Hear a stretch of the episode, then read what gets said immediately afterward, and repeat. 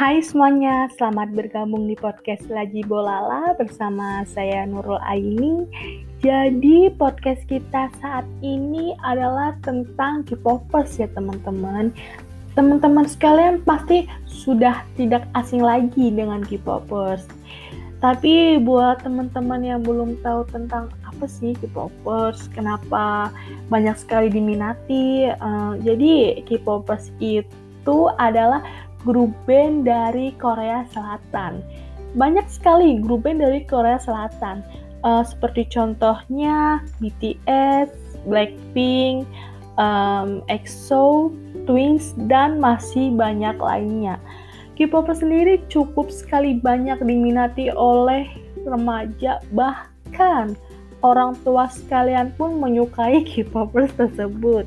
Kenapa banyak diminati? Karena uh, mungkin pendapat orang beda-beda ya. Jadi ada yang menyukai karena visualnya atau raut wajahnya atau juga karena musik-musiknya ya berbeda-beda pastinya tapi buat K-popers sejati mencintai K-popers menyukai K-popers menjadi K-popers itu lebih ke K-popers sendiri mengajarkan arti mencintai diri sendiri, uh, berbuat baik kepada sesama makhluk hidup, teruslah semangat, jangan pernah menyerah, berjuang terus, pantang menyerah. Itu untuk yang K-popers sejati. Terus selanjutnya uh, untuk saya sendiri lebih menyukai kepada BTS Kenapa begitu? Karena ya nggak tahu kenapa emang dari pertama kali menjadi K-popers sukanya menuju kepada BTS aja. E, buat yang belum tahu BTS apa sih? Kok sering sekali mendengar BTS, BTS, BTS gitu. Jadi BTS adalah singkatan dari Bangtan Soyeondan. Bangtan Bangtan Soyeondan tersendiri itu uh, mempunyai tujuh member ya. Jadi yang utama Kim Namjoon, Kim Seokjin, Min Younggi, um, Jong Hoseok, Park Jimin, Kim Taehyung dan Jun Jungkook. Um, BTS sendiri cukup paling populer di antara para K-popers ya. Um, kenapa saya katakan begitu? Bahwasannya BTS mempunyai prestasi paling tinggi di antara K-popers lainnya. Jadi termasuk sudah mendunia ya BTS itu. Um, BTS sendiri merupakan grup band yang sudah berdiri selama tujuh tahun. Mereka merintis menjadi K-popers sangat-sangat berjuang dari nol. Jadi bukan langsung jadi artis K-popers gitu bukan. Mereka benar-benar berjuang dari nol.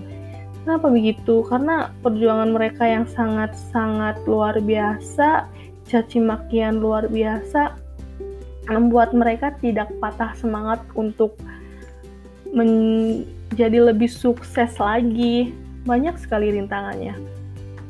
Um, BTS tersebut sudah sangat populer untuk saat ini dan sangat berprestasi khususnya ya. Jadi istilahnya tuh BTS sudah menjadi aset negara Korea.